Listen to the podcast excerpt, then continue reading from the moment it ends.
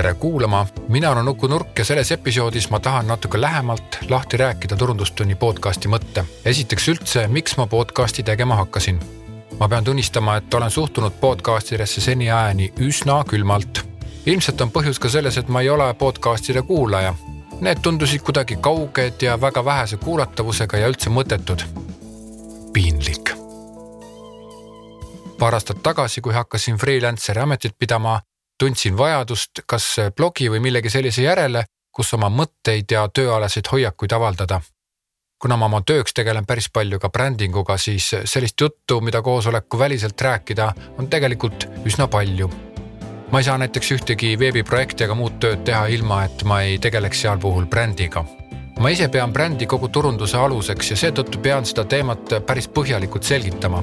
Siit tuleb välja ka turundustunni podcasti Brändi fookus ma olen muideks alati imetlenud Eesti ettevõtteid, kes hoolimata oma väikestest gabariitidest on kasvatanud omale tugeva ja arusaadava brändi. ja sellised ettevõtted ongi üks turundustunni podcasti teemadest. teine põhjus, miks ma pean podcasti väga võimsaks sisuturunduse vahendiks, on podcasti enda formaat. alati võib lugeda blogipostitusi, vaadata videoklippe ja telesaateid või saada osa näiteks sotsiaalmeedia postitustest kuid kõigi nende puhul on vajalik sinu sajaprotsendiline tähelepanu. näiteks autoroolis ega hommikusörgil ei ole võimalik ei lugeda midagi ega ka vaadata videoklippe. kuid näiteks pooletunnisel autosõidul on podcast täiesti ideaalne vahend info omandamiseks kuulasin just ühte podcasti, mis selgitas räägitava info osatähtsuse tõusust kogu maailmas. Eks samad trendid jõua ka Eestisse ja on tingitud artiklite ja videoklippide küllusest muideks ma pean mainima siia vahele, et videoklipi visuaalse poole ja heli koostöö on mind samuti alati võlunud.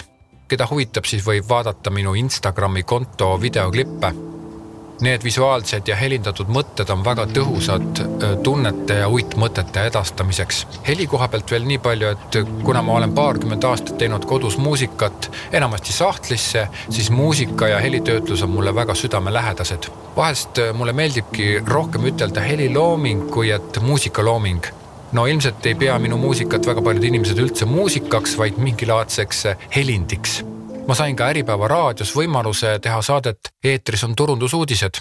selle eest olen muidugi väga tänulik Äripäeva raadiole. äripäeva raadio.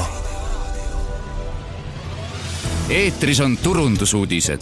edukat turundust toetab ROI, kingituste kuningas aastast tuhat üheksasada üheksakümmend kaks ja eetris on turundusuudised, mina olen Uku Nurk, saatejuht ja täna me räägime brändingust ja selle jaoks on mul siis kohale kutsutud kaks saatekülalist, Elina Vilja ja Tanel Rebane EAS-ist, tervist!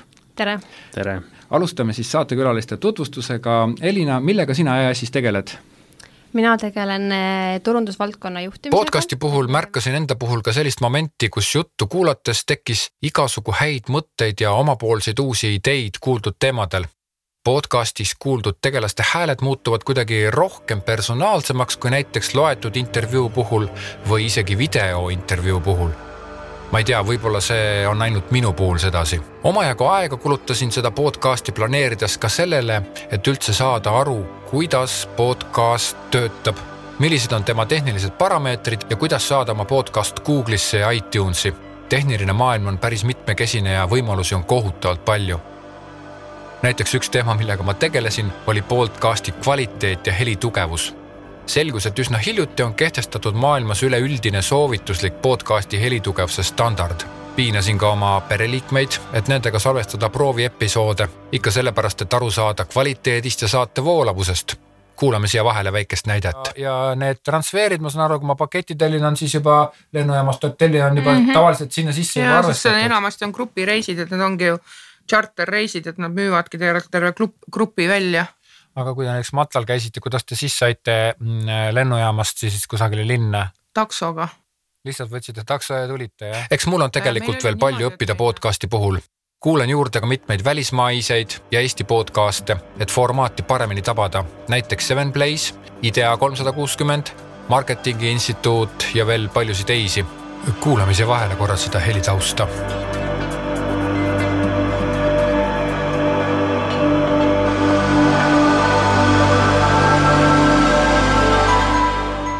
turundustunni podcast on siis turunduse teemadel ja fookusega brändile.